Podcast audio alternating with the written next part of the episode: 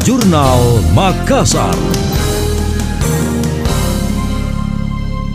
Saya Emil Faris dalam Jurnal Makassar. DPRD Makassar mengusulkan pemerintah melanjutkan kembali pembangunan rumah sakit Batua di Jalan Abdullah Deng Sirua. Ketua Komisi D Bidang Kesejahteraan Rakyat Abdul Wahab Tahir mengatakan bangunan itu sudah lama terbengkalai, padahal tersisa beberapa pengerjaan dan bisa difungsikan sebagai fasilitas kesehatan masyarakat. Politisi Partai Golkar itu menjelaskan skema penganggaran, yakni penggunaan jika kasus sudah tuntas dan rumah sakit tersebut diserahkan kembali ke pemerintah sehingga pengerjaan dapat langsung dilakukan. Jika tidak memungkinkan karena masih berproses hukum bisa dialihkan untuk membiayai program lainnya. Wahab belum mengetahui secara detail gambaran rencana pembangunan sebab masih menunggu dokumen resmi dari pemerintah.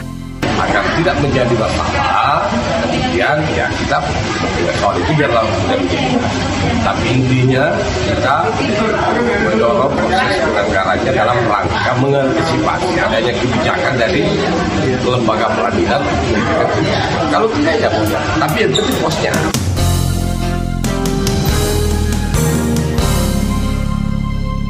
Selain Rumah Sakit Batua, Dewan juga mendorong kelanjutan proyek Rumah Sakit Ujung Pandang yang kini terpantau belum difungsikan. Terpisah Wali Kota Makassar Dani Pomanto mengatakan pembangunan Rumah Sakit Batua bisa dilanjutkan tahun depan, namun realisasinya tetap menunggu proses hukum yang sedang berjalan. Diketahui selama ini mangkrak lantaran adanya indikasi korupsi. Kasus Rumah Sakit Batua sementara berproses di kepolisian. Usulan teman-teman di Dewan dianggarkan, kita anggarkan. Tadinya ada anggarannya, saya coret, tapi usulan teman-teman di Dewan akhirnya kembali lagi.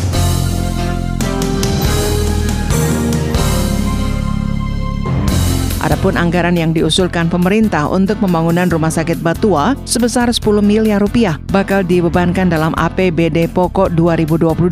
PLT Kepala Bapeda Makassar Helmi Budiman mengatakan dana itu digunakan untuk pembangunan beberapa lantai. Harapannya fasilitas kesehatan itu bisa segera difungsikan mengingat masih situasi pandemi COVID-19. Penghentian pembangunan rumah sakit Batua terpaksa dihentikan lantaran adanya indikasi korupsi. Temuan polisi pembangunan tidak sesuai dengan spesifikasi dan tidak layak digunakan. Sejauh ini telah ditetapkan 13 orang tersangka. Adapun hasil audit Badan Pemeriksa Keuangan BPKRI, taksiran kerugian negara akibat penyalahgunaan anggaran itu sekitar 22 miliar rupiah.